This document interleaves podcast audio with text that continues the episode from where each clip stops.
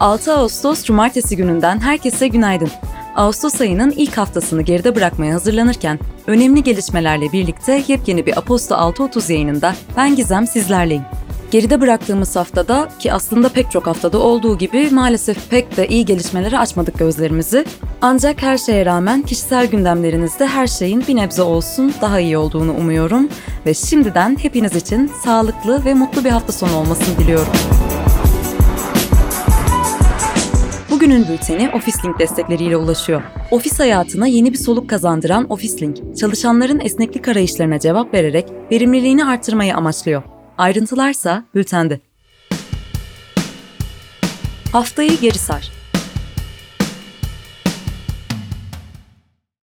KPSS çalıntı soru iddialarının ardından iptal edildi. ÖSYM Başkanı Profesör Doktor Halis Aygün, resmi gazetede yayımlanan Cumhurbaşkanı kararı ile görevden alındı. TÜİK verilerine göre tüketici fiyat endeksi yıllık bazda %79,6 arttı. ENAK Temmuz ayı tüketici enflasyonunu %176 olarak açıkladı.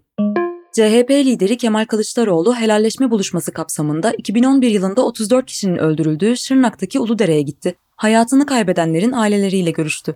ABD Temsilciler Meclisi Başkanı Nancy Pelosi, Tayvan'ı ziyaret etti. Tayvan Savunma Bakanlığı ziyaretin ardından Çin'in ada çevresinde gerçekleştirdiği askeri tatbikat kapsamında birden fazla balistik füzenin ateşlendiğini bildirdi. İstanbul'da imzalanan tahıl anlaşması kapsamında tahıl taşıyan ilk gemi Ukrayna Odessa limanından ayrıldı. İstanbul'da gerekli kontrollerin yapılmasının ardından Lübnan'a doğru yola çıktı. Kadın cinayetlerini durduracağız platformu, Temmuz ayında erkekler tarafından 24 kadının öldürüldüğünü, 20 kadının ise şüpheli bir şekilde ölü bulunduğunu açıkladı. CHP milletvekillerinin sağlık çalışanlarına şiddet konusunu görüşmek amacıyla olağanüstü toplantıya çağırdığı TBMM Genel Kurulu yeterli çoğunluk sağlanamadığı için toplanamadı. Ankara'da cemevlerine düzenlenen saldırılara ilişkin gözaltına alınan 3 kişiden biri tutuklandı. Kosova'da yürürlüğe girmesi beklenen kimlik kartı ve plaka zorunluluğuna ilişkin yasa, ülkedeki Sırp vatandaşların tepkisine neden oldu. Kosova'nın kuzeyinde yaşanan gerginliklerin ardından Sırbistan Cumhurbaşkanı Vučić, ne pahasına olursa olsun barışı korumaya çalışalım dedi. Yasanın yürürlüğe girmesi Eylül'e ertelendi. Yıllık enflasyon enerji ve gıda fiyatlarındaki artışın etkisiyle Avro bölgesinde Temmuz ayında %8,9'a, OECD ülkelerinde ise Haziran'da %10,3'e yükseldi. El-Kaide lideri Eymen El-Zevahiri'nin ABD tarafından Kabil'de düzenlenen operasyonla öldürüldüğü aktarıldı. TOK CEO'su Mehmet Gürcan Karakaş, yerli otomobilin 2023'ün ilk çeyreğinde Türkiye'de, 18 ay sonra ise Avrupa'da satışa çıkacağını duyurdu. ABD'de maymun çiçeği hastalığı sebebiyle acil durum ilan edildi. Serbest kürsü Bugün bu başlık altında Türkiye Kadın Dernekleri Federasyonu Başkanı Canan Güllü tarafından kaleme alınmış bir yazı karşılıyor bizleri. Kendisi bugünkü yazısının başlığında biz kadınlar İstanbul Sözleşmesi'nden vazgeçmiyoruz diyor. Dilerseniz bu yazının tamamına bültenden ulaşabilirsiniz. Sanat British Journal of Photography ve 1854 Media tarafından verilen Female in Focus fotoğrafçılık ödülleri sahiplerini buldu. Etkinlikte bu yıl öne çıkan temalar hayatta kalma, demans ve boşanma oldu.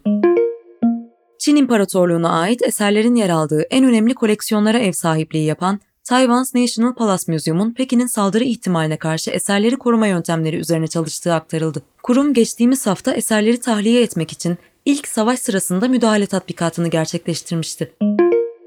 İzmir'in Bergama ilçesindeki Pergamon antik kentinde bir asır önce bulunan Olimpos tanrılarından önceki mitolojik döneme dayanan zafer tanrıçası Nike heykeli İzmir Arkeoloji Müzesi'nde sergiye çıkarıldı. Sinema ve televizyon İrlanda 95. Akademi Ödülleri'nin en iyi uluslararası film kategorisi için adayını belirleyen ilk ülke oldu. Colin Byratt imzalı The Quiet Girl filmi yarışta ülkeyi temsil edecek. Diğer ülkelerin 3 Ekim 2022 tarihine kadar başvurularını tamamlaması gerekiyor. Yönetmen, senarist ve yapımcı Yeşim Ustaoğlu, 59. Antalya Altın Portakal Film Festivali Ulusal Uzun Metraj Film Yarışması jürisine başkanlık edecek. Festival 1-8 Ekim tarihleri arasında gerçekleşecek. Selcan Ergun'un ilk uzun metrajlı filmi Kar ve Ayı'nın dünya premieri 47. Toronto Uluslararası Film Festivali'nde gerçekleşecek. Oscar ödüllü rolünde Joaquin Phoenix ve yönetmen Todd Phillips'i yeniden bir araya getirecek devam filmi Joker 2'de. Lady Gaga'nın Harley Quinn olarak rol alacağı kesinleşti. Variety'nin haberine göre müzikal türünde olacak filmin gösterim tarihi ise 4 Ekim 2024 olarak belirlendi. Gastronomi Fransa geçtiğimiz haftalarda kabul ettiği bitki bazlı ürünler için tavuk, pastırma gibi hayvansal et terimlerinin kullanımını yasaklayan yasayı askıya aldığını duyurdu. Buğday fiyatları ilk tahıl yüklü geminin Ukrayna'dan yola çıkarak arz endişelerini hafifletmesinin ardından 3 Ağustos çarşamba günü 7,52 dolarla Şubat başından bu yana en düşük seviyeyi gördü. TÜİK verilerine göre Temmuz ayında gıda fiyatları yıllık bazda %94 arttı. Müzik gündemi Muse 26 Ağustos'ta yayımlayacakları 9. stüdyo albümleri Will of the People'ın NFT versiyonunu da paylaşacağını duyurdu. Windows'un retro medya oynatıcısı Winamp, yeni bir kod tabanına entegre edilerek birçok farklı özellikle donatıldığı yeni sürümüyle geri döndü.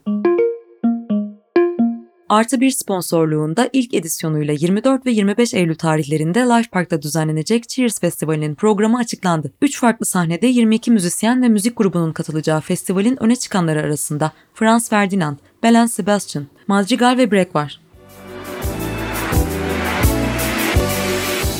6 Ağustos Cumartesi gününde Aposto 6.30 yayınında ben Gizem sizlerleydim ve bugünlük de birlikteliğimizi burada noktalıyoruz.